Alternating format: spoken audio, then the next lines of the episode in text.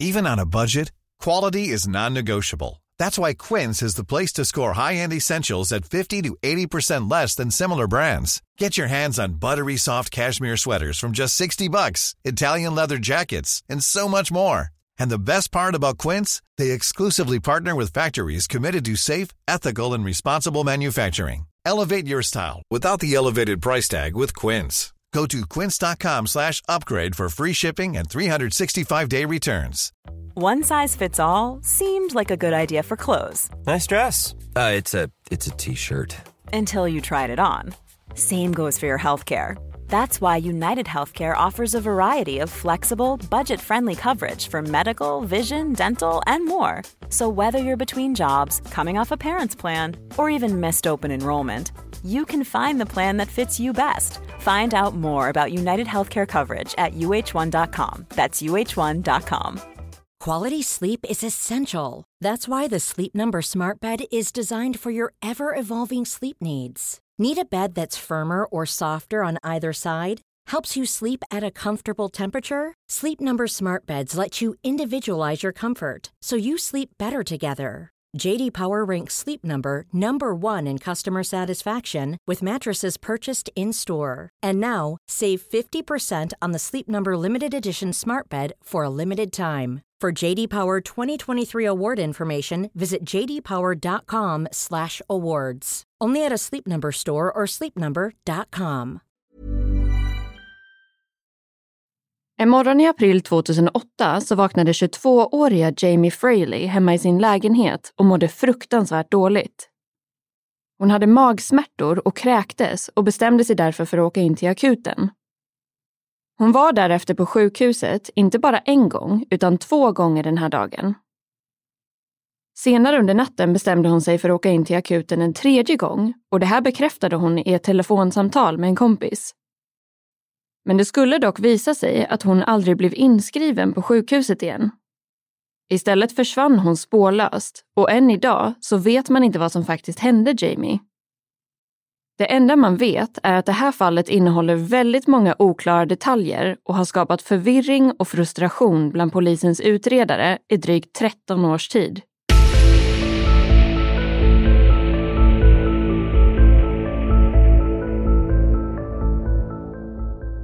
Hej och varmt välkomna ska ni vara till ännu ett avsnitt av Rysapodden.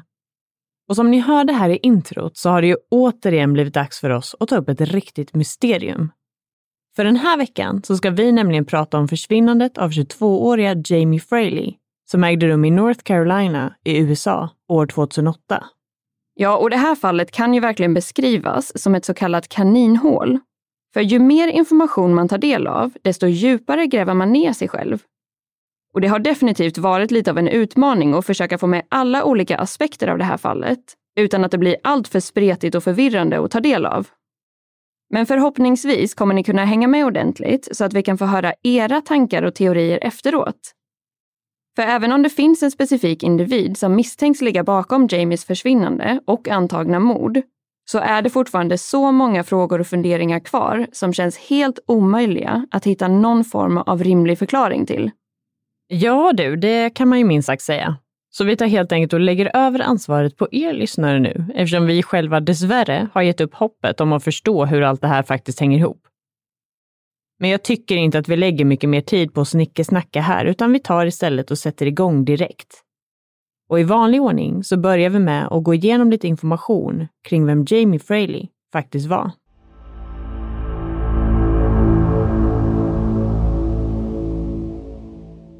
Jamie Michelle Fraley föddes den 5 mars 1986 i Gastonia som ligger i delstaten North Carolina. Det här är ju i den sydöstra delen av USA och idag bor det runt 80 000 personer i Gastonia. Staden är bland annat känd för sina antikaffärer, vackra parker och närliggande naturområden. När Jamie föddes så uppstod en hel del allvarliga komplikationer vilket drabbade både Jamie själv och hennes mamma Kim. Det var till och med så pass illa att båda två var nära på att dö i samband med förlossningen. Lyckligtvis klarade de sig igenom den här prövningen, men barnmorskor och läkare uttryckte klart och tydligt att de inte trodde att lilla Jamie skulle leva längre än max ett år. Men mot alla odds så fortsatte Jamies liv och för varje år som passerade sa läkare att Kim inte skulle ha för höga förhoppningar och att hennes dotter troligtvis inte hade speciellt långt kvar att leva. Så det måste ju ha varit väldigt hemskt att behöva leva med en sån typ av överhängande dödsdom för både Jamie och hennes mamma. Och anledningen till att jag säger just mamma och inte föräldrar är för att det inte finns någon egentlig information kring Jamies pappa. Så med största sannolikhet så var han inte en del av deras liv. Men Jamie var en riktig kämpe och hennes liv fortsatte på ett någorlunda normalt sätt trots vad alla läkare hade sagt om hennes framtid. Hon hade däremot en hel del hälsoproblem under sin barndom och uppväxt.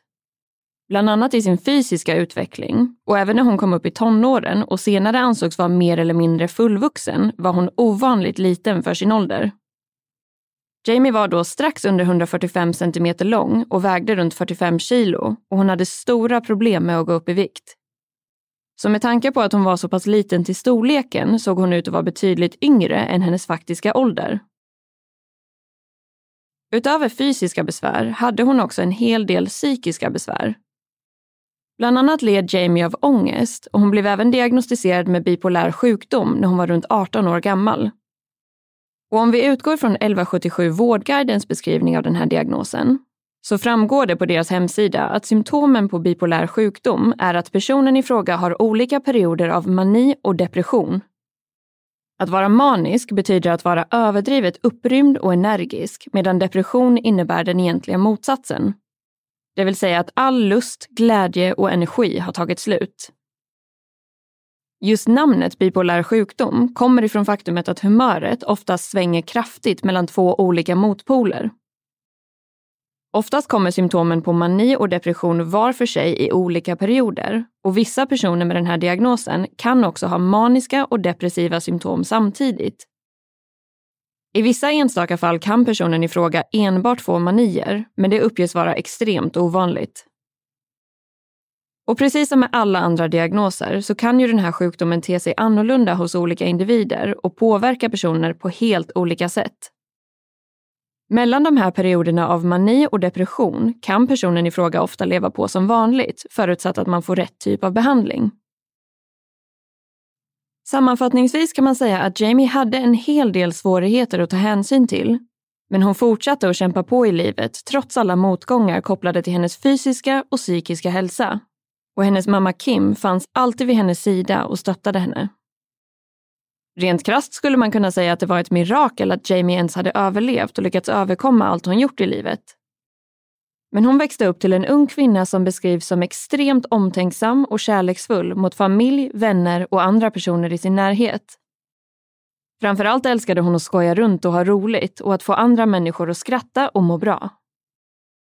Enligt personer i Jamies närhet hade hon ett stort hjärta och en passion för att hjälpa andra. Till följd av sina diagnoser hade hon det däremot väldigt svårt i skolan och hon kämpade mycket med att klara av sina kurser. Den här problematiken ledde i slutändan till att hon aldrig tog examen från high school.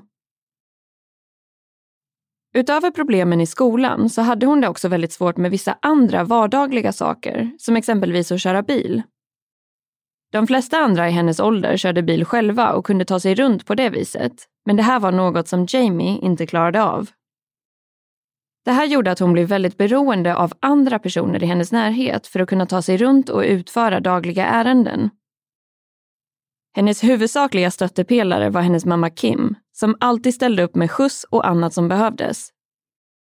Men utöver det så hade Jamie också en hel del vänner runt omkring sig som ofta hjälpte henne med skjuts och olika typer av ärenden. Hon hade också en väldigt nära relation till sin moster Stacy och hennes dotter Hailey, alltså Jamies kusin. Med tanke på att Jamie själv hade gått igenom en hel del svårigheter så hade hon också stor förståelse och respekt för andra människors utmaningar i livet. Jamie hade bland annat en nära vän som hade problem med drogmissbruk och som vände sig till henne för hjälp och stöd. Den här vännen ville ingenting annat än att ta sig ur sitt missbruk och Jamie började därför sätta sig in i det här ämnet genom att delta i gratis kurser om just missbruk som anordnades av hennes lokala kyrka. Där fick hon upp ögonen för en helt ny värld Och Jamie upptäckte att hon tyckte att det var otroligt givande och inspirerande att hjälpa andra som också kämpade i livet, och specifikt med missbruk. I samband med det här så bestämde hon sig för att hon ville utbilda sig till drogmissbruksrådgivare och hennes dröm var att bygga sig en karriär inom just det här området. I och med att hon inte hade tagit examen från high school så var hon först tvungen att klara av ett så kallat GED-test, vilket ungefär skulle kunna jämföras med komvuxutbildning här hemma i Sverige. Så Jamie kämpade sig igenom allt det här och började därefter studera på deltid vid Gaston Community College för att kunna uppnå den här drömmen. Och Gaston College ligger ungefär 10 minuters bilväg från Jamies hemstad Gastonia. Under våren 2006, när Jamie var 20 år gammal, så hade hon verkligen gjort stora framsteg i livet och i sina studier. Och vid den här tidpunkten hade hon också börjat medicineras ordentligt för både ångest och bipolär sjukdom. Enligt uppgift ska hon ha reagerat väldigt väl på den här behandlingen och saker och ting såg ut att börja vända till det bättre i Jamies liv. Som sagt hade hon alltid tvingats vara väldigt beroende av andra, men Jamie hade en stark ambition och strävan om att en dag kunna leva mer självständigt. Hon bestämde sig därför för att hon nu var redo att flytta in i en alldeles egen lägenhet. Många andra vänner och bekanta i hennes ålder hade redan hunnit flytta hemifrån och sakta men säkert börjat bygga upp sina liv. Och det här var något som Jamie också drömde om och ville uppleva. Hon hittade till slut en lägenhet på Lowell Bethesda Road i Gastonia. Den här lägenheten låg ungefär en timme bort från hennes mamma Kims bostad, så det var ändå ett ganska så stort steg för henne att flytta dit. Det var ju Kim som alltid hade tagit hand om Jamie och varit hennes huvudsakliga stöttepelare, så det här innebar såklart en stor förändring och omställning för både mor och dotter. Men trots att Jamie nu skulle flytta ut och bo ensam så kvarstod fortfarande faktumet att hon var extremt beroende av andra människor runt omkring sig.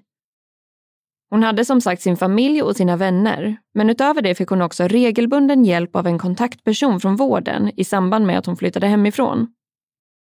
Den här kontaktpersonen hjälpte Jamie med olika ärenden, skjuts och administrativa saker som att betala räkningar och hyra. I och med att Jamie hade väldigt svårt att få jobb och studerade på deltid så levde hon främst på sjukbidrag från staten för att kunna klara sig på egen hand. I samband med att Jamie flyttade in i sin nya lägenhet så ska hon ha hamnat i lite av en hetsk diskussion med en annan person som bodde i samma lägenhetsbyggnad. Jamie var som sagt en väldigt snäll och omtänksam person, men hon ska inte heller ha varit en tjej som backade iväg från en konfronterande situation. I samband med det här verbala bråket som Jamie hade med sin nya granne så råkade hon träffa på en kille vid namn Ricky Simmons Jr.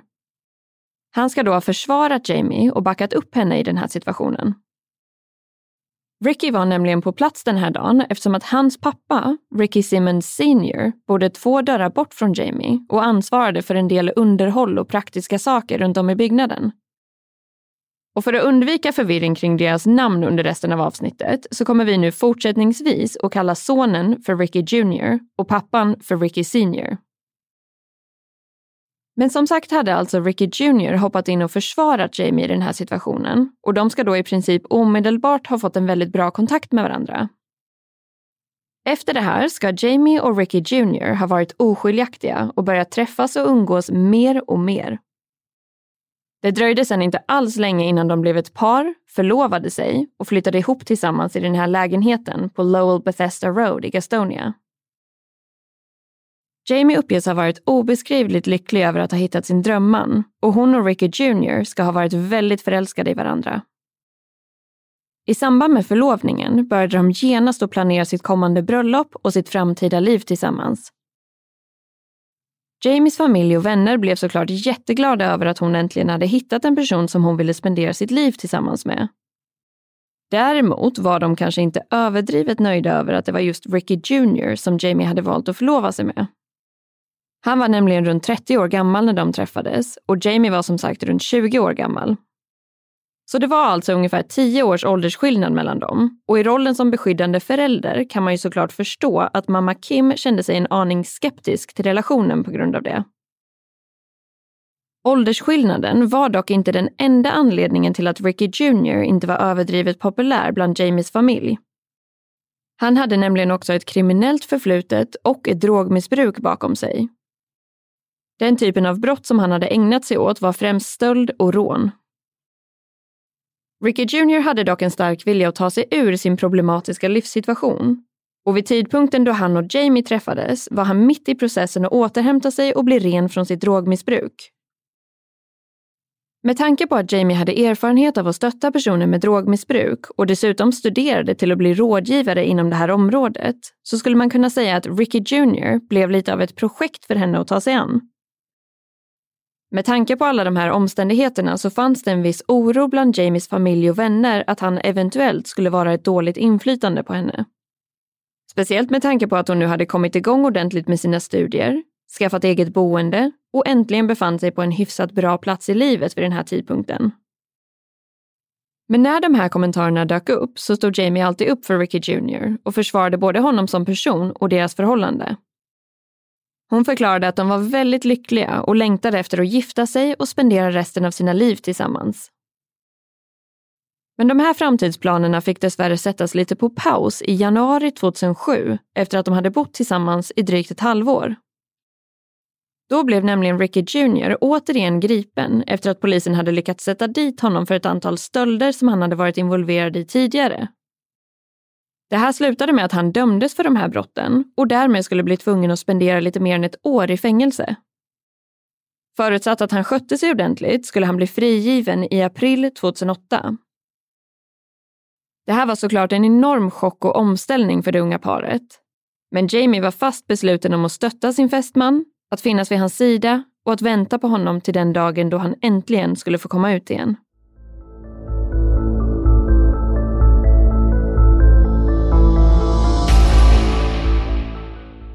Jamie och Ricky Jr fortsatte att hålla kontakten så gott de kunde via besök, telefon och genom att skriva brev till varandra. Under tiden som han satt fängslad bodde Jamie kvar i lägenheten och passade på att fokusera på sig själv, sina studier och på att fortsätta bygga upp sin nyfunna självständighet. Ricky Senior, hennes fästmans pappa, bodde ju som sagt bara två dörrar bort från Jamie. Med tanke på att han nu dessutom var hennes blivande svärfar så hade de börjat ha lite mer kontakt med varandra. Ricky Senior var ju också ansvarig för underhållsarbetet i lägenhetsbyggnaden så han erbjöd sig därför att hjälpa Jamie med saker runt om i bostaden. Hon kunde inte heller köra bil eller ta sig någonstans på egen hand så han brukade också ställa upp och skjutsa runt henne och hjälpa till med andra typer av ärenden. Allt ifrån att köra henne till sina regelbundna läkarbesök till att handla matvaror. Utifrån att de bodde väldigt nära varandra och att Ricky Senior hade möjligheten att vara så pass behjälplig för Jamie så utvecklade de en vänskaplig relation under tiden som Ricky Jr betjänade sitt fängelsestraff.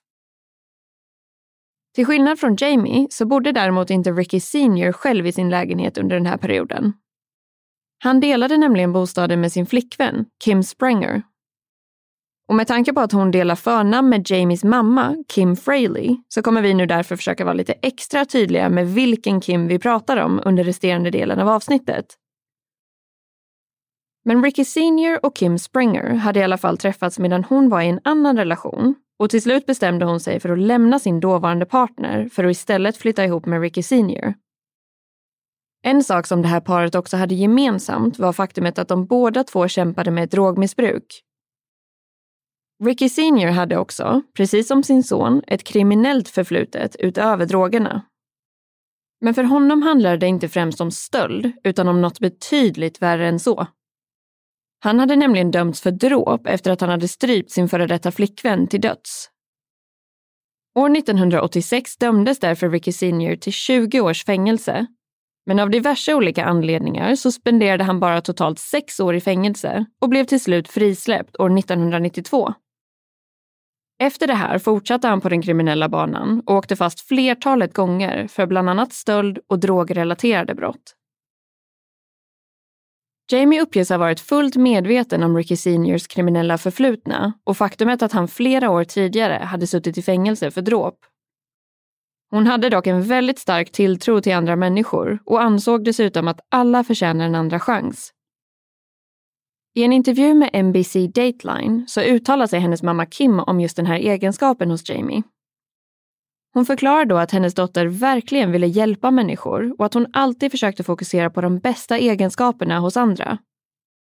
Kim uttrycker sig också kring faktumet att Jamie ibland kanske kunde ha lite för mycket tilltro till andra människor och att det här eventuellt kunde ha gjort att hon i slutändan råkade ut för en otrygg och rent av livsfarlig situation.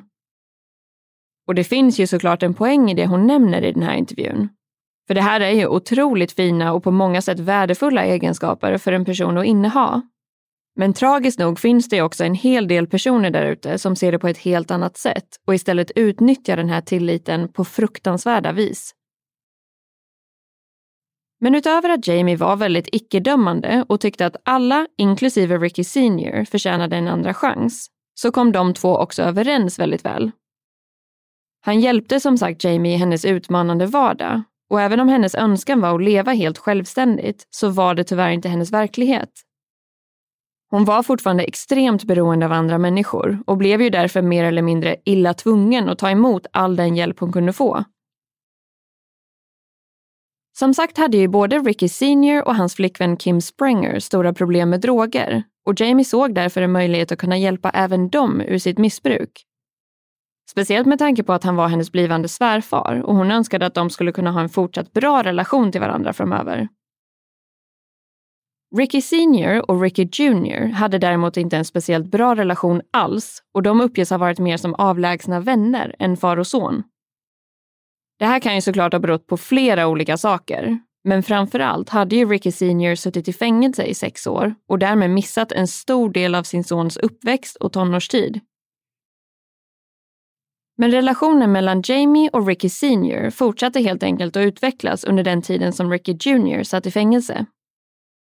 Jamie ska dessutom ha uppskattat att ha lite sällskap av det här grannparet eftersom hon nu bodde själv i lägenheten och hon brukade bland annat träffa Ricky Senior och hans flickvän Kim för att laga mat tillsammans med dem. Jamie hade också tagit på sig ansvaret att då och då ta hand om Kims hund när hon behövde åka iväg för att jobba. De hade med andra ord en typ av relation där de hjälpte varandra med olika saker och ställde upp när det behövdes. Efter att Ricky Jr hade varit borta ett par månader, så ungefär i mitten av år 2007, så valde dock Ricky Sr och Kim Springer att gå skilda vägar i livet och de gjorde därför slut. Enligt vissa källor ska det här uppbrottet bland annat ha berott på att Kim verkligen ville ta sig ur sitt drogmissbruk en gång för alla men att hon inte kände att Ricky Senior var på riktigt samma nivå när det kom till den här frågan. Men en annan anledning till att förhållandet tog slut ska också ha varit att Kim hade noterat att Ricky Senior hade börjat få upp ögonen för en annan kvinna. Och mer exakt, för Jamie. Han hade nämligen börjat bete sig lite mer flörtigt gentemot henne och Kim upplevde därför att han verkade ha ett större intresse för Jamie än för henne. Så hon fick nog till slut och flyttade därifrån och Ricky Senior bodde därefter kvar själv i lägenheten ett par dörrar bort från Jamies. I samband med det här uppbrottet så började hans beteende gentemot Jamie att förändras mer och mer. Han blev ännu mer flörtig i sitt beteende och började dra en hel del opassande och sexuella skämt i hennes närhet. Och här är det värt att påminna om att Jamie dels var förlovad med hans son, men också att hon vid den här tidpunkten var 21 år gammal Ricky Senior däremot var 48 år gammal och alltså nästan 30 år äldre än henne. Det här beteendet ska däremot inte ha stört Jamie speciellt mycket, utan hon ska mer ha uppfattat det som att han bara skojade runt. Av fullt rimliga skäl såg hon Ricky Senior mer som en fadersfigur och hade därför inget som helst romantiskt eller sexuellt intresse av honom. Så det här flörtiga beteendet besvarades med andra ord inte alls från hennes sida Utöver exflickvännen Kim så var det vissa andra personer i Jamies närhet som la märke till hur Ricky Senior betedde sig kring henne. Bland annat Jamies kusin Haley uppges ha sagt att hon vid flera tillfällen hade hört honom fälla opassande kommentarer till Jamie. Bland annat kunde han kommentera hennes kläder och exempelvis att han uppskattade hur korta hennes shorts var. Men Jamie fortsatte att fokusera på sig själv och sina studier under resterande delen av 2007 och början av 2008. Hon höll sig också sysselsatt på andra sätt och bland annat hade hon faktiskt ett stort intresse för true crime och framförallt kring olika typer av fall som handlade om försvunna personer. Jamie hade till och med skapat två olika sidor på plattformen MySpace inom det här området En av dessa ska ha varit relaterad till det olösta fallet kring mordet på sexåriga John Benet Ramsey och den andra sidan var specifikt tillägnad försvunna personer. Syftet med sidan uppges ha varit att hjälpa till att sprida information och upplysa om olika fall där personer försvunnit. Jamie var ju väldigt passionerad när det gällde att hjälpa och stötta andra, så det här var ju kanske ännu ett sätt för henne att försöka bidra på det sätt som hon kunde. Och faktumet att hon hade ett så pass starkt intresse för just true crime och försvunna personer är ju såklart ironiskt på ett otroligt sorgligt sätt. Eftersom att Jamies eget namn snart skulle läggas till på listan av försvunna personer i North Carolina och flera olika hemsidor och forum skulle istället skapas för att upplysa om just hennes försvinnande. Men tiden fortsatte att passera och nu har vi kommit fram till april månad år 2008 i slutet av den här månaden skulle Ricky Jr ha suttit av hela sitt fängelsestraff och skulle äntligen bli frisläppt. Det var alltså bara några få veckor kvar och som man kan föreställa sig så var Jamie såklart väldigt exalterad och lycklig över att hon snart skulle få återförenas med sin fästman. De var mer än redo att fortsätta sitt liv tillsammans och att återigen börja planera för sitt kommande bröllop. Med detta i åtanke så tänkte Jamie att det var dags att ta tag i sin ekonomi och styra upp saker och ting ordentligt innan Ricky Jr väl kom hem. Hon valde därför att boka in ett möte hos det som i USA kallas för Social Security Administration och som i det här fallet ungefär skulle kunna jämföras med Försäkringskassan. Där skulle hon nämligen få prata med någon om sin ekonomiska situation och hon såg verkligen fram emot det här mötet. Tiden som Jamie hade bokat in var onsdag morgon den 9 april 2008 och hennes kontaktperson bokade in att hon skulle hämta upp Jamie hemma och köra henne till det här mötet. Men dagen innan det här, alltså tisdagen den 8 april, så vaknade Jamie upp tidigt på morgonen med extrema magsmärtor. Utöver att hon hade fruktansvärt ont i magen så kräktes hon också flera gånger hon hörde därför av sig till sin kontaktperson och frågade om hon kanske kunde köra henne till sjukhuset. När hon väl kom fram och blev undersökt så blev hon diagnostiserad med magsjuka eller generella magbesvär. Läkaren sa att det troligtvis berodde på någonting hon hade ätit och att det borde gå över om hon bara åkte hem och vilade. Jamie fick däremot med sig ett recept på några mediciner som förhoppningsvis skulle kunna lugna magen och hennes besvär. Läkaren uppmanade även Jamie att komma tillbaka till sjukhuset om det blev ännu värre under dagen. Därefter kördes hon hem igen av sin kontaktperson, men hon valde däremot att inte lämna in receptet på apoteket på vägen hem. Och vissa källor uppger att anledningen till att hon inte gjorde det var eftersom att hon själv inte trodde att det var magsjuka och att medicinerna därför inte skulle hjälpa henne ändå. Jamie försökte sen att fortsätta som vanligt och kämpa sig igenom dagen, även om hon fortfarande mådde väldigt dåligt. Just den här dagen hade hon också lovat att vara hundvakt åt Kim Springer. Det vill säga Jamies tidigare granne och Ricky Seniors för detta flickvän. När Kim kom dit för att lämna av hunden så förklarade Jamie att hon hade mått dåligt tidigare under morgonen och varit på sjukhuset. Hon försäkrade dock Kim om att hon fortfarande orkade ta hand om hunden medan hon var iväg och jobbade men dessvärre blev det inte bättre överhuvudtaget och Jamies tillstånd förvärrades istället allt eftersom att dagen passerade. Hon ska då ha insett att det kanske vore bäst att försöka hämta ut de receptbelagda medicinerna ändå. När Kim väl kom tillbaka från jobbet så nämnde Jamie att hon nu mådde ännu sämre och att hon inte hade lämnat in sitt recept på apoteket tidigare. Eftersom Jamie själv inte kunde köra bil så erbjöd sig Kim att svänga förbi apoteket och lämna in hennes recept. Därefter var planen att Jamie kanske kunde få någon annan att hjälpa henne plocka upp medicinerna när det var färdigt för att hämta ut. Och det här var ju ganska många år sedan och dessutom i USA, så det var ju inte riktigt så smidigt som vi har det här hemma i Sverige idag. Utan det var lite mer analogt än så och man behövde därför först lämna in sitt pappersrecept, vänta ett tag och därefter hämta ut medicinerna när det var färdigt så att säga. Så Kim tog tillbaka sin hund och åkte iväg med receptet och lämnade in det på apoteket medan Jamie stannade kvar hemma och vilade. Men det dröjde sedan inte länge alls innan hon började må ännu sämre. Hon frågade därför Ricky Senior om han kanske kunde köra henne till akuten, vilket han sa ja till. Så de hoppade därför in i hans bil och han lämnade sedan Jamie på akuten och åkte iväg igen.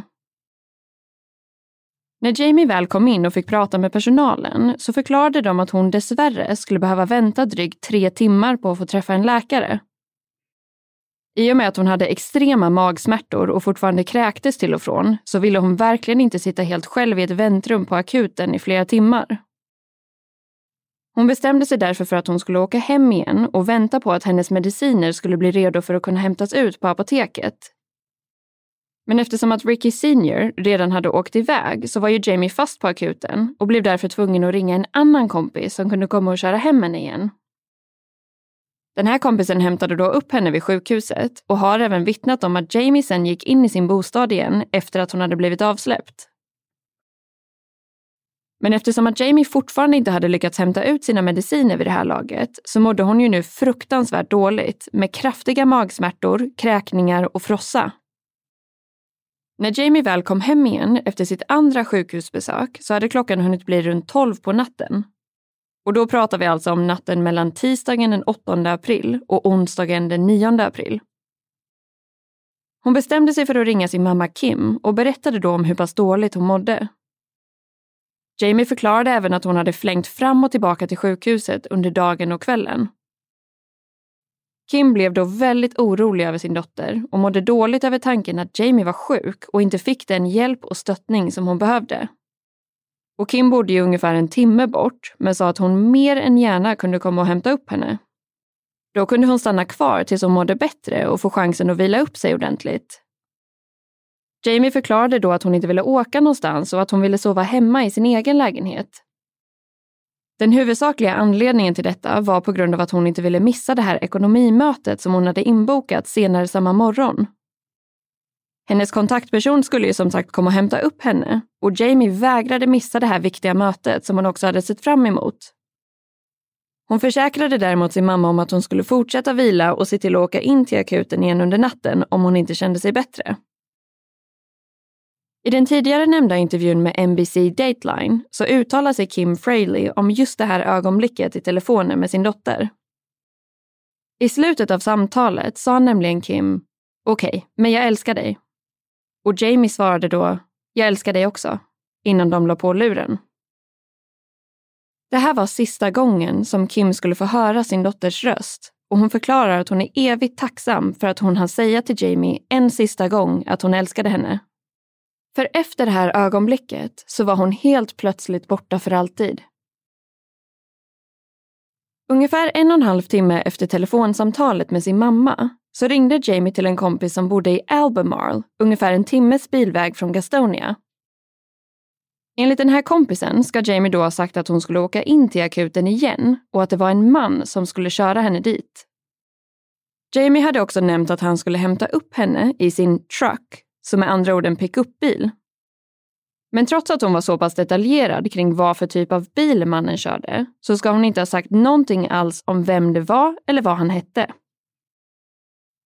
Telefonsamtalet fick sen ett ganska så abrupt slut när Jamie plötsligt yttrade följande mening. I have to go. My ride is here. He's here. Det vill säga, jag måste gå nu. Min skjuts är här. Han är här. Just de här orden skulle senare visa sig vara det absolut sista livstecknet från Jamie.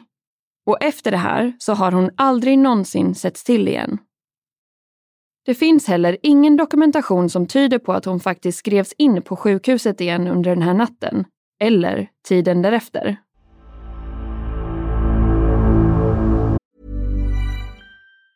Have catch yourself eating the same flavorless dinner three days in a row? Dreaming of something better? Well, HelloFresh is your guilt-free dream come true, baby. It's me, Gigi Palmer. Let's wake up those taste buds with hot, juicy pecan-crusted chicken or garlic butter shrimp scampi.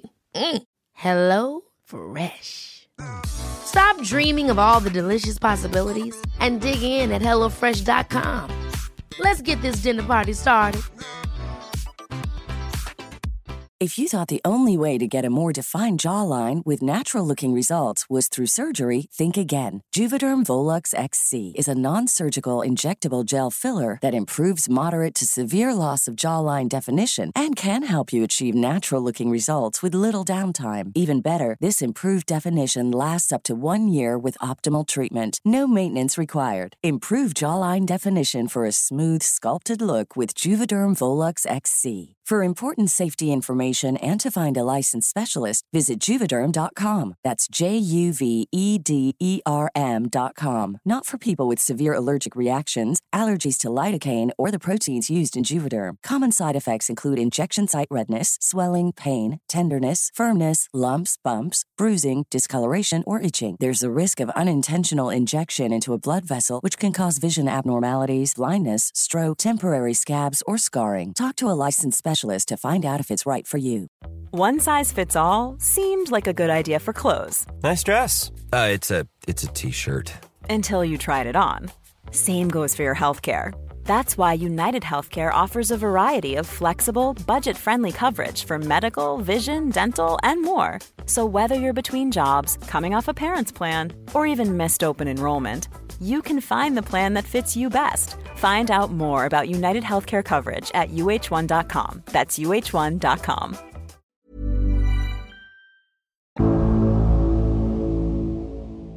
Senare den här morgonen, alltså onsdagen den 9 april, så kom Jamies kontaktperson hem till henne och knackade på dörren. Hon skulle ju nämligen hämta upp Jamie under morgonen för att de skulle bege sig iväg till det inbokade ekonomimötet. Däremot så fick hon inget svar när hon knackade på och ingen öppnade dörren för henne. Hon valde därför att vrida på dörrhandtaget för att se om det kanske var öppet, men dörren var då låst. Efter att ha fortsatt knacka på en stund så ringde hon Jamies mobiltelefon flertalet gånger, men där fick hon inte heller något svar. Till slut fick hon lov att ge upp och hon lämnade sedan bostaden och åkte vidare på andra ärenden. Dessvärre så hörde hon inte av sig till någon i Jamies närhet för att informera om att hon inte hade varit hemma eller svarat i mobiltelefonen och därav missat ett viktigt möte. Utan det här skedde av oklara anledningar, inte förrän två hela dagar senare, det vill säga fredagen den 11 april. Hon valde då att kontakta Jamies mamma Kim och berätta vad det var som hade hänt under onsdagsmorgonen. Som man kan förstå så var det då inte speciellt uppskattat att hon hade väntat två hela dagar med att informera henne om den här situationen. Kim kände nämligen direkt att det var någonting som inte stämde och att det inte var likt Jamie att missa ett viktigt möte eller att inte svara i telefonen. Så fort Kim fick reda på det här så valde hon därför att kontakta polisen och bad dem åka förbi Jamies bostad för att undersöka situationen.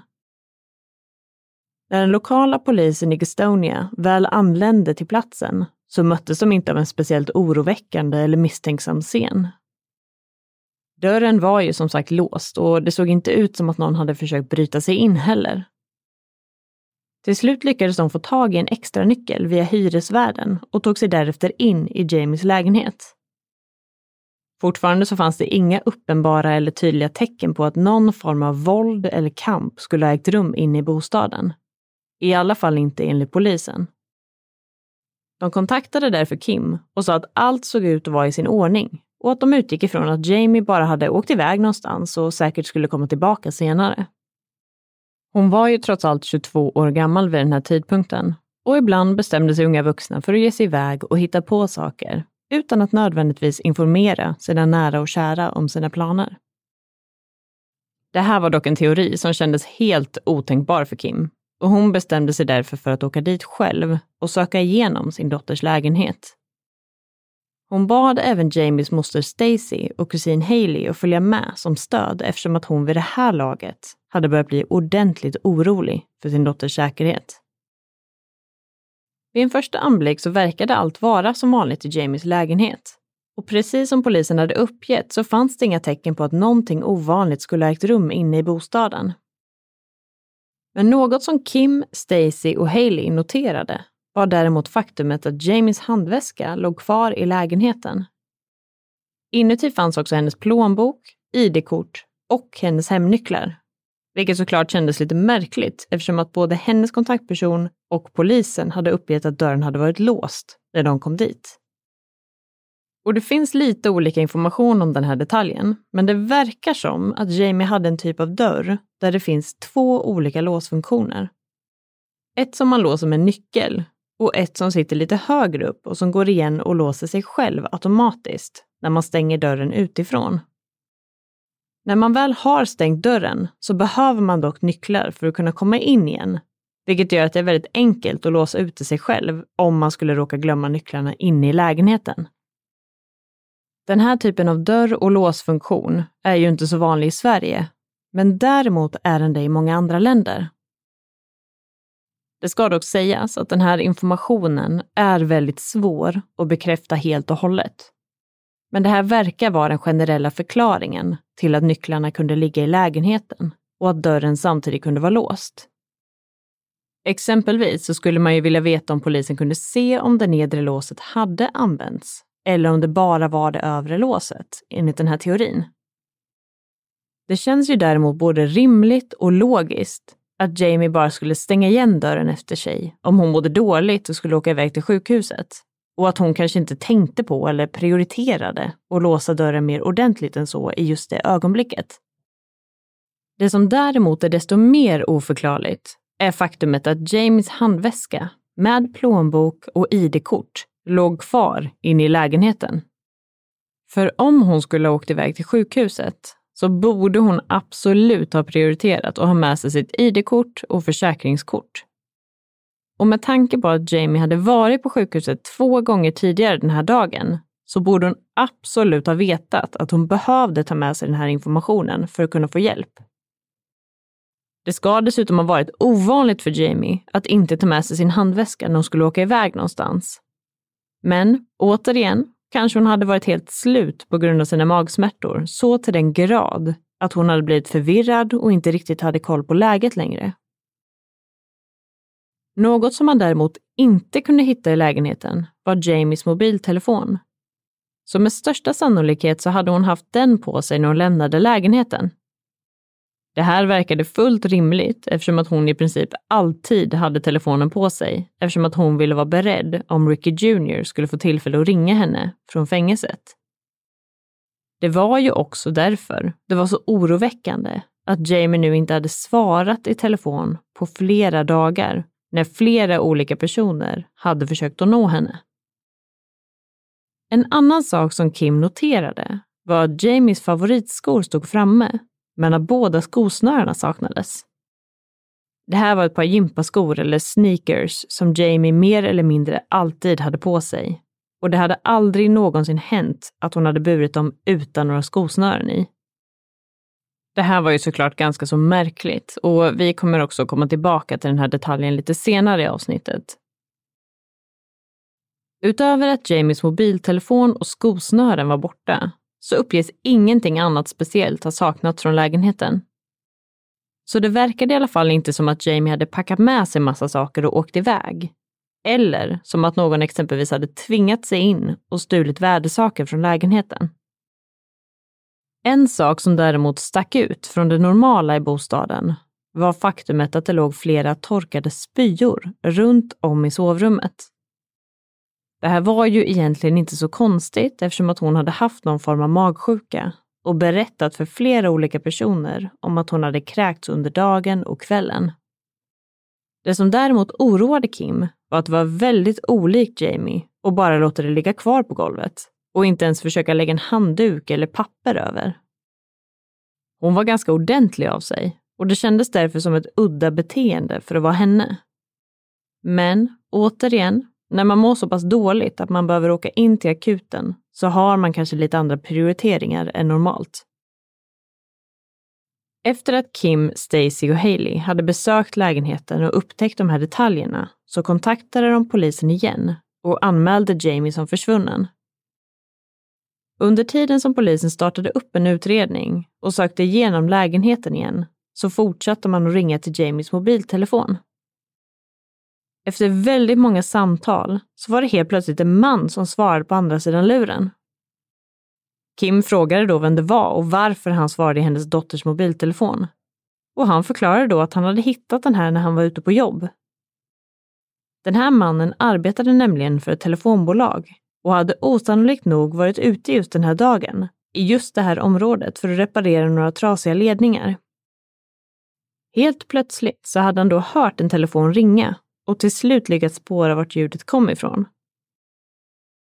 Kim informerade polisen om det här med en gång och de begav sig iväg för att prata med mannen och hämta upp telefonen.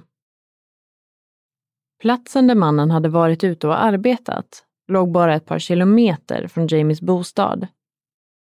Han förklarade att han hade hittat telefonen vid en vägkorsning och utifrån skicket den var i så verkade det som att någon hade kastat ut telefonen från en förbikörande bil. Så faktumet att Jamies telefon ens hade något batteri kvar och hade fungerat överhuvudtaget när mannen svarade i telefonen är ju faktiskt ganska så ofattbart.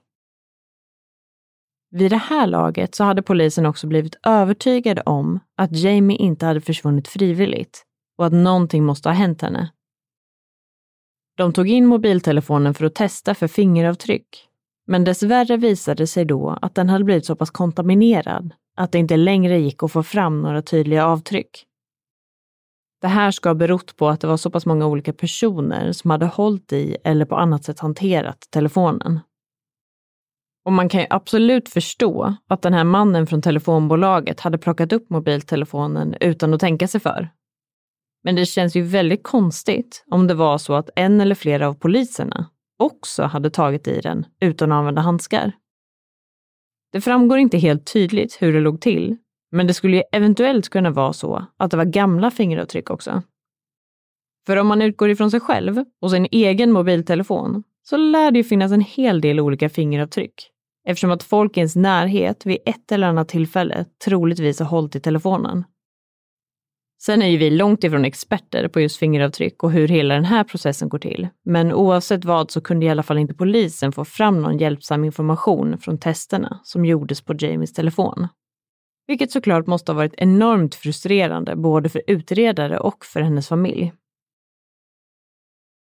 Efter det här så påbörjades en enorm sökinsats efter Jamie och man sökte då igenom det relevanta området kring Gastonia och samtliga skogsområden som fanns i närheten.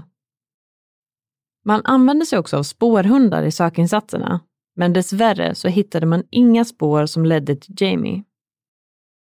Polisen började också höra sig för bland Jamies vänner och bekanta och knackade på hos alla grannar som bodde i samma lägenhetshus. Förhoppningen var ju att någon eventuellt kunde ha hört eller sett någonting eftersom att det i alla fall verkade som att hon hade försvunnit från eller i närheten av sin egen bostad. Samtliga grannar var väldigt behjälpliga och samarbetsvilliga i sin kontakt med polisen. Det vill säga alla förutom en granne, nämligen Ricky Senior. Det här gjorde ju såklart att polisen genast fick en dålig känsla kring honom och ganska så direkt så hamnade han högst upp på deras lista över potentiella misstänkta. Det ska ju dock sägas att han var grovt kriminell och troligtvis inte tyckte speciellt bra om polisen i största allmänhet. Så på ett sätt så var den här typen av undvikande beteende kanske inte så konstig eller oväntad från hans sida, oavsett hur pass mycket eller lite han faktiskt visste. Men han ska ändå ha angett en del grundläggande information under sitt samtal med polisen. Så det ska inte ha varit så att han vägrade prata med dem överhuvudtaget. Däremot hade han ju någon form av vänskapsrelation till Jamie. Och med det i åtanke kan man ju tycka att han borde ha visat ett betydligt större intresse för att hjälpa polisen framåt i sökandet. I den här typen av fall så blir ju ofta den försvunna personens eventuella partner av intresse för polisen. Men i och med att Ricky Jr fortfarande befann sig i fängelse så uteslöts han relativt snabbt som potentiell misstänkt. Han skulle som sagt ha blivit frisläppt i slutet av april 2008 och det här var ju drygt tre veckor innan det. Polisen gick även igenom samtalshistoriken på Jamies upphittade mobiltelefon det var då man kunde bekräfta att det senaste samtalet som ringdes från telefonen hade varit vid halv två på natten mellan den 8 och 9 april. Och det här var ju det samtalet som vi nämnde tidigare, där Jamie hade pratat med en kompis som bodde i Albemarle. Polisen kontaktade den här personen som då kunde bekräfta vad hon och Jamie hade pratat om under det här korta samtalet. Nämligen att Jamie skulle åka in till sjukhuset igen och att någon skulle komma och hämta upp henne i sin truck eller pickupbil. Som vi nämnde tidigare så avslutades ju det här samtalet med att Jamie sa följande. Jag måste gå nu, min skjuts är här. Han är här. Men dessvärre hade ju inte Jamie nämnt för sin kompis vem som skulle hämta upp henne. Så det enda man kunde utgå ifrån var ju därför att det var en man som körde en pickupbil. I och med att polisen hade börjat misstänka att det kanske kunde vara Ricky Senior som låg bakom Jamies försvinnande så gjorde det här vittnesmålet att det uppstod fler frågor än svar. Det var nämligen så att Ricky Senior ägde en vit van, eller skåpbil, som han alltid brukade köra runt i. Faktumet kvarstår ju dock att den här okända mannen är högst relevant i den här utredningen eftersom Jamie hade sagt till sin kompis att hon skulle få skjuts till sjukhuset. Men man vet ju med säkerhet att hon aldrig kom dit i slutändan. Så vad det än var som hände Jamie så borde det rimligtvis ha skett innan hon åkte iväg till sjukhuset eller på vägen dit. Och med tanke på att den här mannen aldrig någonsin har gett sig till känna eller kontaktat polisen med information så kan man nog utgå ifrån att han på ett eller annat sätt var involverad i hennes försvinnande. Precis när misstankarna gentemot Ricky Senior hade börjat svalna en aning så gjordes en ny upptäckt som återigen gav polisen skäl till att misstänka honom. Det var då nämligen en person som kontaktade polisen för att rapportera in att de hade hittat en soppåse som låg i närheten av en väg i området som Jamie hade försvunnit ifrån. Likt mobiltelefonen så hittades soppåsen bara ett par kilometer från hennes bostad. Och återigen var det egentligen bara en ren slump att den här påsen hittades, eftersom det var ett ganska så avlägset område.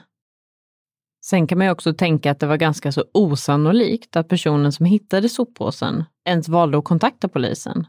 Eftersom väldigt många kanske bara skulle tänka att det var dumt att skräpa ner i naturen, men kanske inte skulle göra så mycket mer än så. Men polisen tackade och tog emot det här tipset och begav sig därefter iväg för att hämta upp och undersöka den här mystiska soppåsen. I samband med det här så kunde de på något vis koppla den här soppåsen med en person som de redan var väl bekanta med, nämligen Ricky Senior. Det framgår däremot inte helt tydligt hur de kunde koppla ihop påsen med honom och polisen har aldrig gått ut med vad det var som faktiskt låg i den här soppåsen. Men i och med det här fyndet så valde polisen att återigen prata med Ricky Senior kring hans eventuella inblandning i Jamies försvinnande. Tidigare så ska det ha varit mer av ett samtal och allmän dialog mellan Ricky Senior och polisen. Men vid det här laget så blev det officiellt ett förhör. De frågade honom om det var hans soppåse och varför den hade dykt upp i närheten av Jamies bostad och i närheten av platsen där hennes mobiltelefon hade hittats. Till deras förvåning så ska Ricky Senior gladeligen ha erkänt att det var hans påse och dessutom haft en förklaring till hur den hade hamnat i just det området. Han berättade för polisen att han hade varit ute och kört bil och att han då hade fått punktering. När han skulle plocka ut sitt reservdäck ur bagageutrymmet så ska han helt enkelt ha kastat ut massa skräp och saker som låg i vägen och sen glömt bort att lägga in soppåsen igen innan han åkte därifrån och på så vis blev den kvarlämnad längs med vägen. Så på ett sätt så kan man ändå köpa den här förklaringen. Och speciellt när man tänker på att Ricky Senior bodde i samma lägenhetsbyggnad som Jamie. Så med andra ord så var det inte bara i närheten av hennes bostad som påsen hade hittats, utan även hans egen. Däremot så är det många som tycker att det är högst märkligt att man skulle hitta soppåsen just i det här området eftersom det normalt inte var speciellt många personer som vistades där. Utöver det så är det ju också väldigt intressant att påsen tillhörde just Ricky Senior av alla personer. Slutligen var det också så att om man tog Jamies bostad, platsen där mobiltelefonen hittades, och platsen där soppåsen hittades och ritade ett streck mellan dem på en karta så skapade det en näst intill perfekt triangel. Så hela den här grejen är ju definitivt lite skum, men däremot verkade det inte ha funnits några extrema typer av fynd, inuti soppåsen eftersom att polisen inte grep Ricky Senior efter det här förhöret där han erkände att det faktiskt var hans påse. Sen kan det ju såklart vara så att det fanns något misstänksamt innehåll i påsen, men att polisen än idag har valt att hålla den här informationen konfidentiell eftersom att Jamies försvinnande fortfarande är en pågående utredning. Men som sagt så fanns det helt enkelt inte tillräckligt med bevis för att kunna gripa Ricky Senior. Men polisen kände sig fortfarande väldigt misstänksamma gentemot honom. De lyckades därför få tillstånd för att kunna övervaka och följa efter honom och hoppades kunna få fram någon form av bevis på den vägen istället. Polisen spenderade en hel del tid med att övervaka Ricky Seniors vardag och rutiner. De upptäckte ingenting som kunde kopplas till Jamies försvinnande, men däremot gjorde de en annan oroande upptäckt. De noterade nämligen att Ricky Senior hade börjat förfölja sin före detta flickvän Kim Sprenger. Det vill säga flickvännen som han bodde med tidigare och vars hund Jamie tog hand om under dagen innan hon försvann. Polisen ansåg att hans beteende var minst sagt alarmerande och de kontaktade därför Kim för att informera henne om vad det var som pågick. Hon berättade då för polisen att hon var rädd för Ricky Senior eftersom att han hade en hel del tendenser till att bli både hotfull och våldsam. Hon valde därför att ansöka om kontaktförbud gentemot sin före detta sambo den 9 maj 2008. Det här var ju ungefär en månad efter Jamies försvinnande. Och vid det här laget så hade hennes fästman Ricky Jr hunnit bli frisläppt från fängelset. Han hade redan innan blivit informerad om Jamies försvinnande och faktumet att hans egen pappa såg som misstänkt i utredningen. Han blev såklart helt förstörd av den här informationen. Och under den första tiden när han blev frisläppt så bodde han hemma hos Jamies familj och hjälpte till med sökandet bäst han kunde. Ricky Jr uppges också ha varit väldigt hjälpsam och tillmötesgående i all kontakt med polisen. Och det fanns som sagt ingenting alls som tydde på att han på något vis skulle ha varit inblandad i försvinnandet. Eller exempelvis att han var medveten om att det fanns planer om att något skulle ske under tiden som han satt i fängelse. Utan han var, som man kan förstå, totalt hjärtekrossad över att hans blivande fru helt plötsligt hade försvunnit.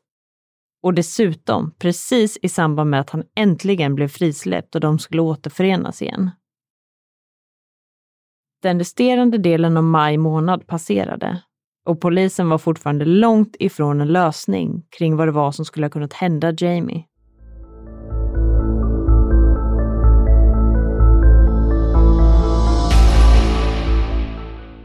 I början av juni 2008 så hade exflickvännen Kim Springer börjat känna av en väldigt udda och obehaglig lukt i sin bil.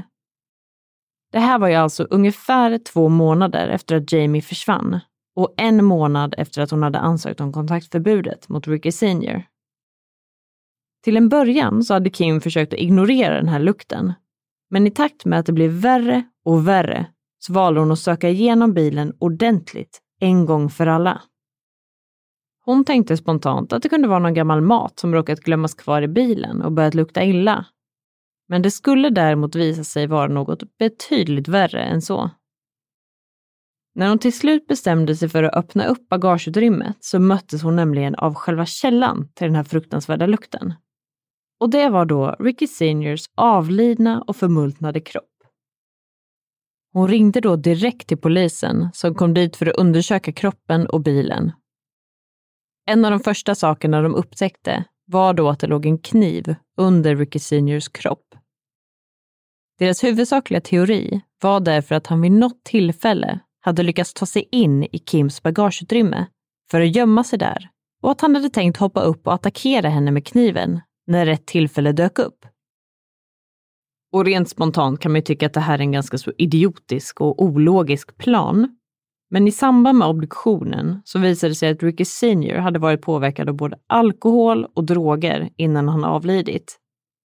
Så att gömma sig i ett bagageutrymme kanske verkar som en fullt rimlig tanke för någon som är både full och påverkad av droger. Polisen misstänker också att det här var anledningen till att han hade lyckats låsa in sig själv i bagageutrymmet och inte kunnat ta sig ut på egen hand. På insidan av bagageluckan på Kims bil så fanns det nämligen en typ av panikknapp som man kunde trycka på för att öppna upp luckan om man skulle råka fastna där inne. Men med tanke på att Ricky Senior var så pass påverkad så är teorin att han antingen inte tänkte på den möjligheten eller att han inte kunde hitta knappen när han väl hade låst in sig. Eventuellt kunde han ju också ha drabbats av panik och klaustrofobi där inne och fastnat på grund av det. Obduktionen visade nämligen att han hade dött av hypertermi, det vill säga att hans kroppstemperatur hade blivit för hög. Så alltså den raka motsatsen till hypotermi, vilket är när kroppstemperaturen är för låg.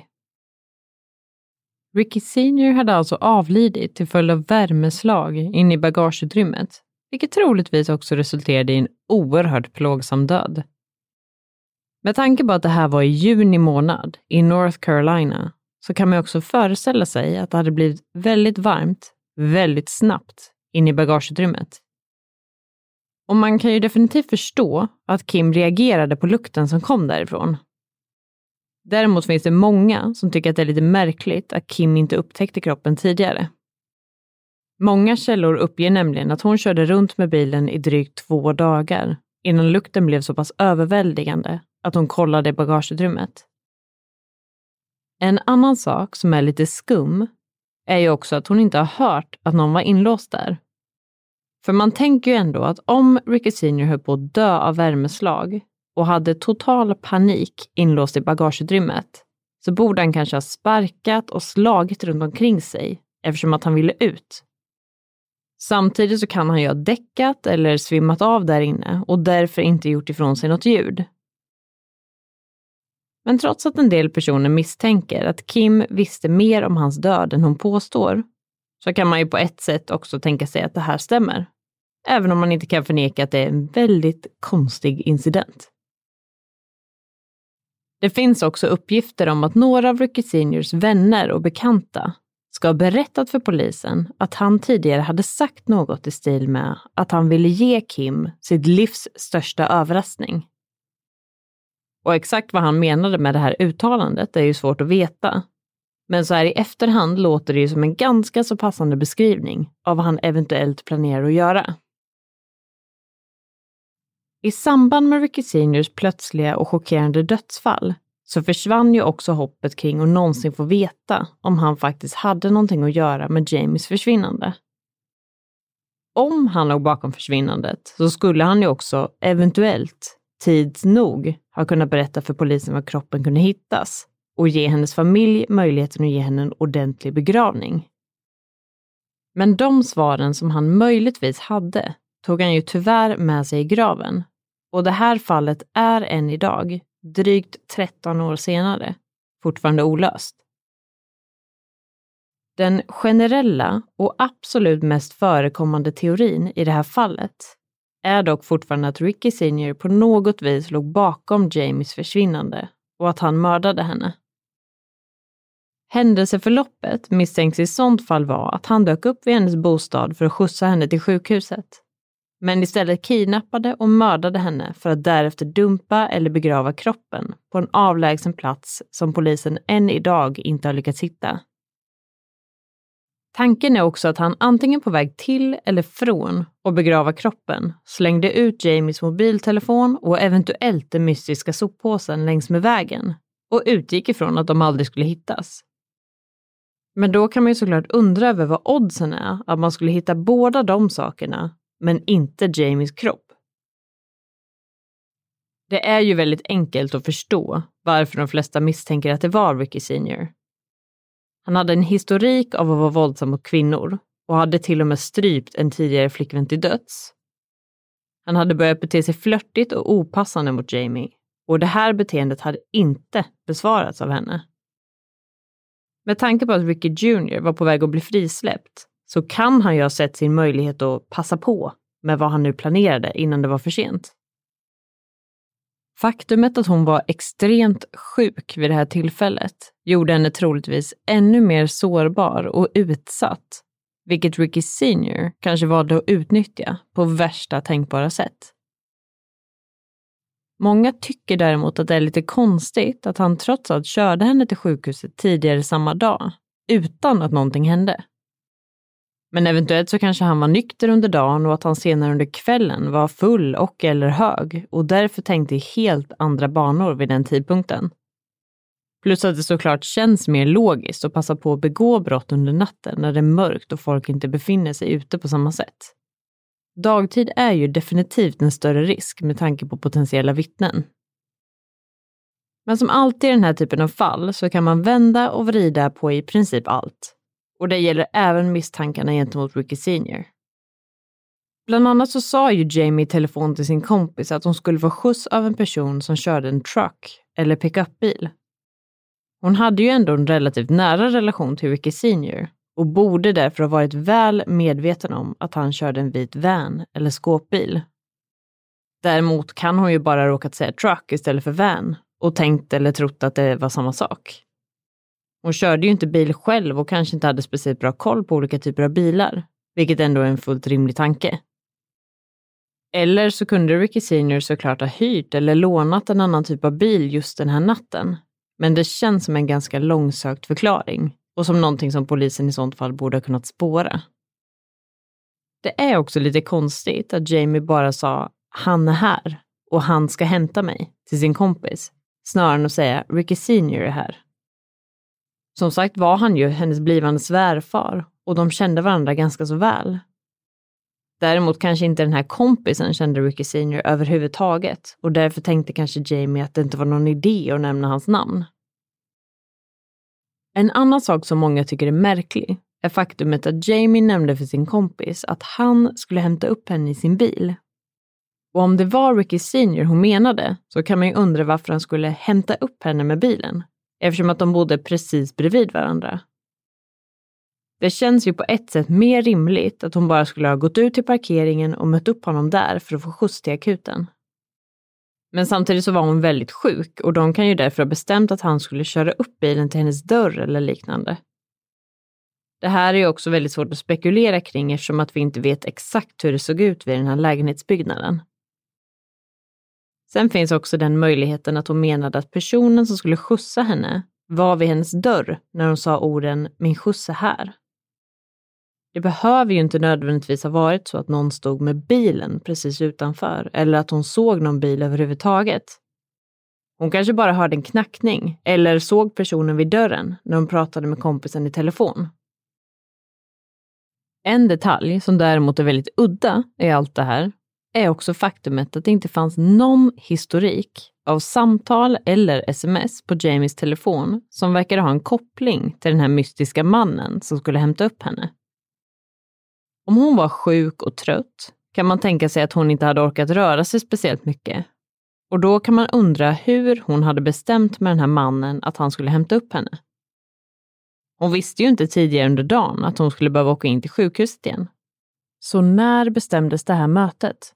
Och framförallt, hur? Det finns nämligen samtalshistorik på hennes telefon från när Ricky Senior hade kört henne till sjukhuset tidigare under dagen. Så uppenbarligen brukade de höras via telefon. Varför hade de då inte gjort det innan den här skjutsningen, kan man undra.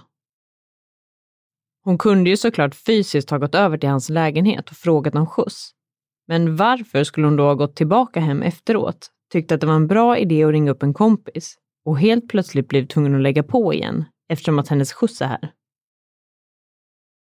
Men det fanns som sagt ingen samtalshistorik eller sms som indikerade att Jamie och Ricky Senior hade pratat om att han skulle skjutsa henne. Det skumma är dock att det inte fanns någon sån historik med någon annan person heller.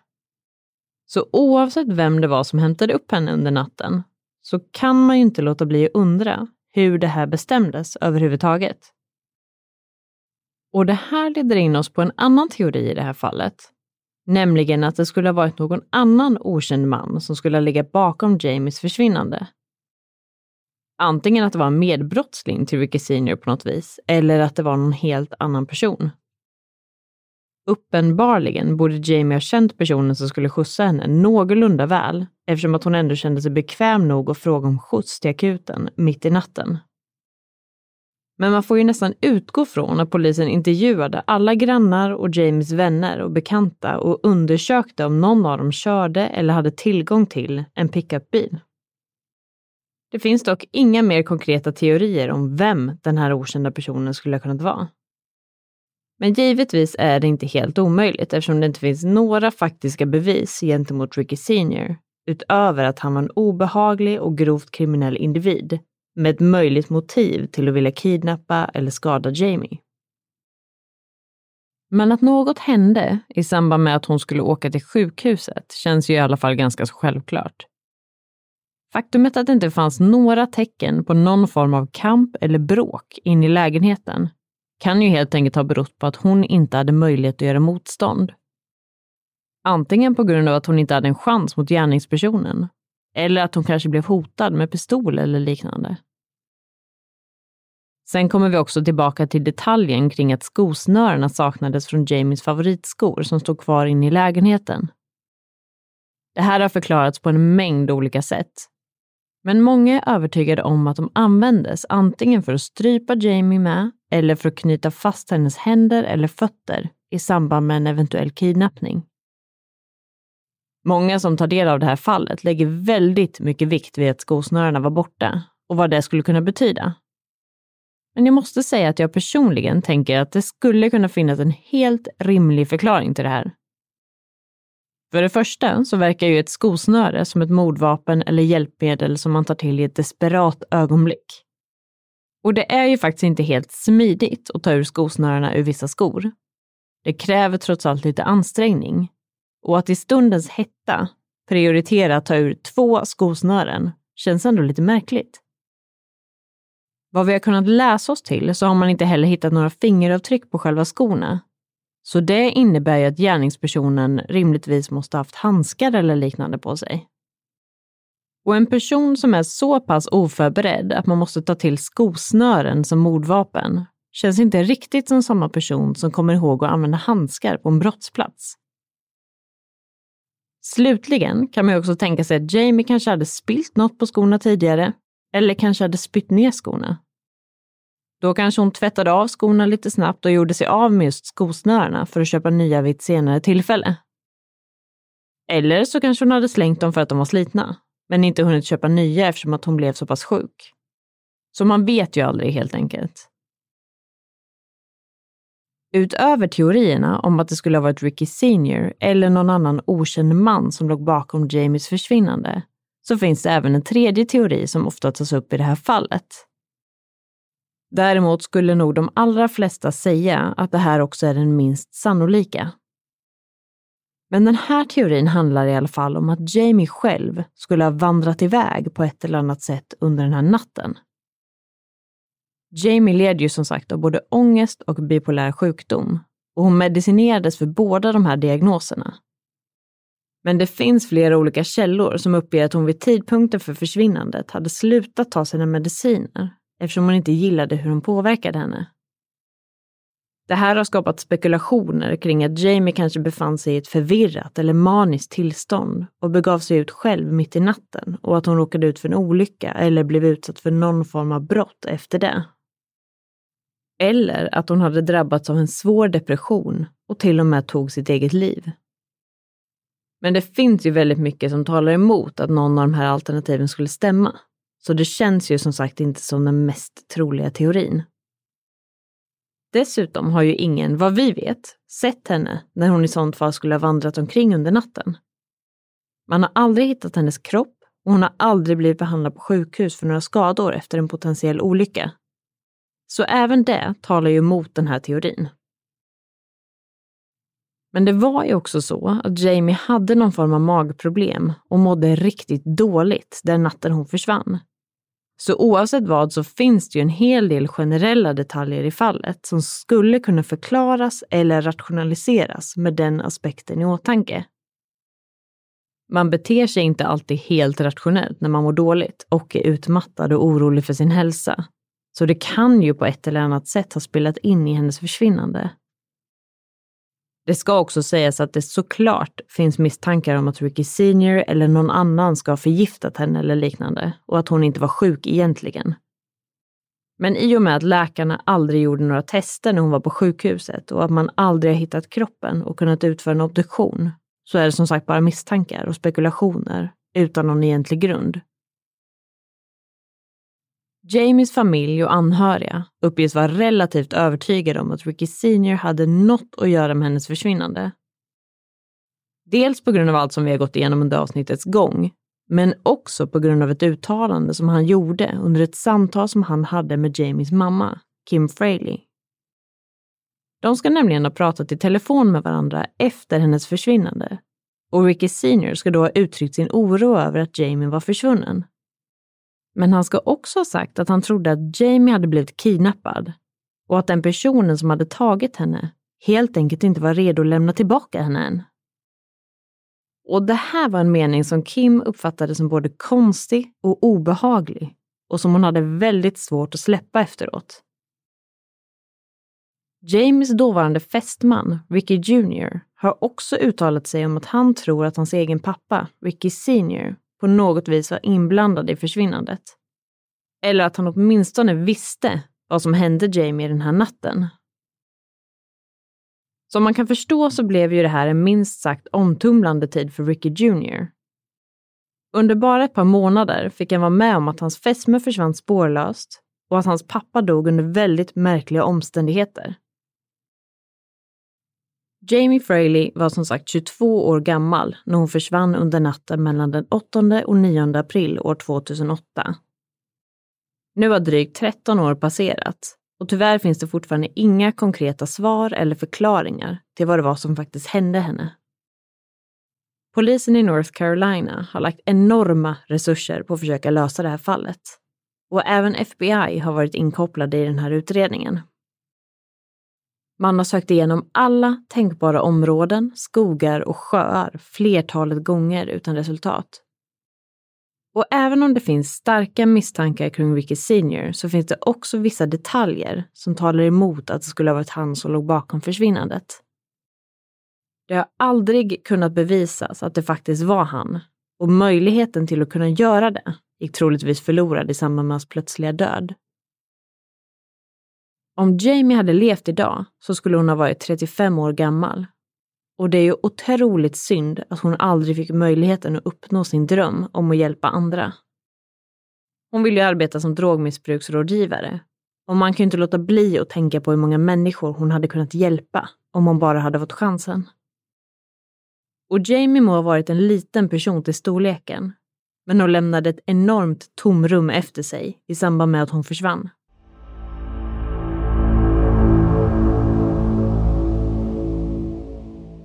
Ja, men nu förstår ni nog varför det här blev ett så pass långt avsnitt. För man kan ju verkligen vända och vrida på alla detaljer hur många gånger som helst.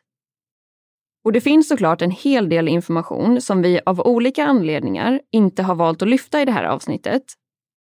Men en sak som ofta kommer upp när man läser andras åsikter om det här fallet är varför ingen tyckte att det var konstigt att de inte hörde från Jamie under den 9 eller 10 april. För under den åttonde mådde hon verkligen sjukt dåligt och hon pratar med flera olika personer och berättar att hon till och med har varit på akuten. Under natten mellan den 8 och 9 april säger hon ju också till en kompis att hon ska åka in till akuten igen. Sen hör Jamie inte av sig under hela 9 och 10 april. Och först den 11 april så ringer den här kontaktpersonen till hennes mamma och informerar om att Jamie inte svarade eller var hemma under morgonen den 9 april. Så rent spontant kan man ju då undra varför ingen av de här personerna hörde av sig till Jamie eller åkte hem till henne bara för att kolla hur hon mådde eller om hon kanske behövde hjälp med något. Eller det finns i alla fall inga uppgifter om att folk ska ha försökt nå henne under de här dagarna. Och om de trots allt ringde henne och inte fick något svar så borde man ju kanske ha blivit orolig och åkt dit för att kolla till henne. Ja, men det där är verkligen en detalj som har fastnat hos mig också. För om man själv hade pratat med en kompis som var extremt sjuk och hade varit inne på akuten så skulle man nog troligtvis ha hört av sig och frågat om allt var okej. Okay. Men det finns däremot flera olika källor som anger att det här var ganska normalt och att det ibland kunde gå flera dagar mellan Jamie pratade med sin mamma och sina vänner. Däremot var ju inte det här en vanlig dag så att säga eftersom hon mådde så pass dåligt. Men det här är ju enkelt att spekulera kring och att utgå ifrån sig själv och sin egen situation är ju inte alltid rätt sak att göra. Men enligt uppgift så ska alla bara ha antagit att Jamie mådde bättre dagen efter och att det var därför hon inte hörde av sig. Men på det stora hela så hade det nog inte spelat någon större roll om någon hade hört av sig till Jamie redan dagen efter försvinnandet, eftersom att hon troligtvis försvann redan under natten. Det som däremot är synd är faktumet att gärningspersonen därmed fick två hela dagar på sig och göra sig av med eller gömma hennes kropp, eftersom det tog så pass lång tid innan man insåg att hon var försvunnen. Ja, och gällande själva gärningspersonen så måste man ju erkänna att det känns väldigt sannolikt att det skulle vara Ricky Senior som låg bakom försvinnandet och det antagna mordet på Jamie. För även om det finns vissa saker som känns lite oklara och inte riktigt går ihop med att det skulle vara han, så finns det ju också en hel del som pekar på att han hade både motiv, medel och möjlighet. Precis, och många anser att det här är ett typiskt fall av det som brukar förklaras med hjälp av den välkända frasen Occams razor, eller Occams rakkniv.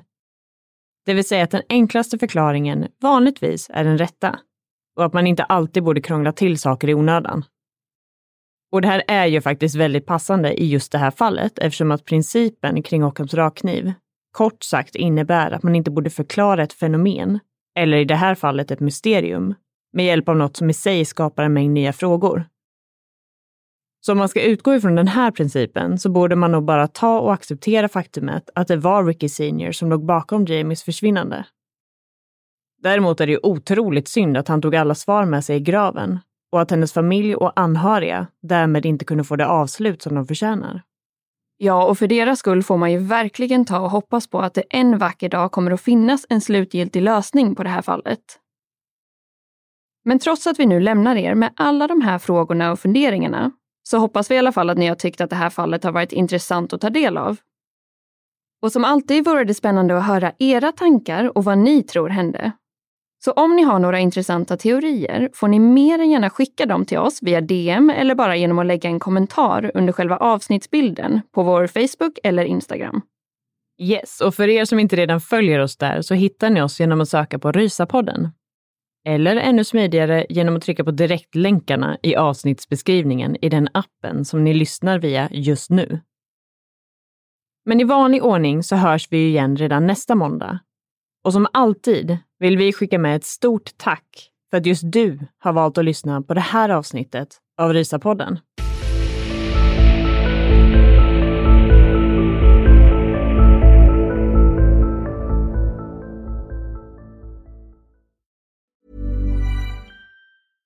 Step onto the legendary clay courts of Roland Garros, where the world's best players battle it out at the French Open for a chance to win a Grand Slam title. Tennis Channel Plus is your place to watch. Stream every court from your phone or smart TV live in HD. See the action unfold as legends fight for glory and new rivalries emerge. Daily live coverage begins Monday, May 20th, with match replays on demand so you never miss a moment. From the first serve to the final point, Roland Garros promises unforgettable moments and new chapters in tennis history.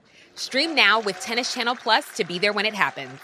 Even when we're on a budget, we still deserve nice things. Quince is a place to scoop up stunning high end goods for 50 to 80% less than similar brands. They have buttery soft cashmere sweaters starting at $50 luxurious Italian leather bags, and so much more. Plus, Quince only works with factories that use safe, ethical, and responsible manufacturing. Get the high-end goods you'll love without the high price tag with Quince. Go to quince.com/style for free shipping and 365-day returns. Hey, it's Paige DeSorbo from Giggly Squad. High quality fashion without the price tag. Say hello to Quince. I'm snagging high-end essentials like cozy cashmere sweaters, sleek leather jackets, fine jewelry, and so much more. With Quince being 50 to 80% less than similar brands. And they partner with factories that prioritize safe, ethical, and responsible manufacturing. I love that. Luxury quality within reach. Go to quince.com slash style to get free shipping and 365-day returns on your next order. quince.com slash style.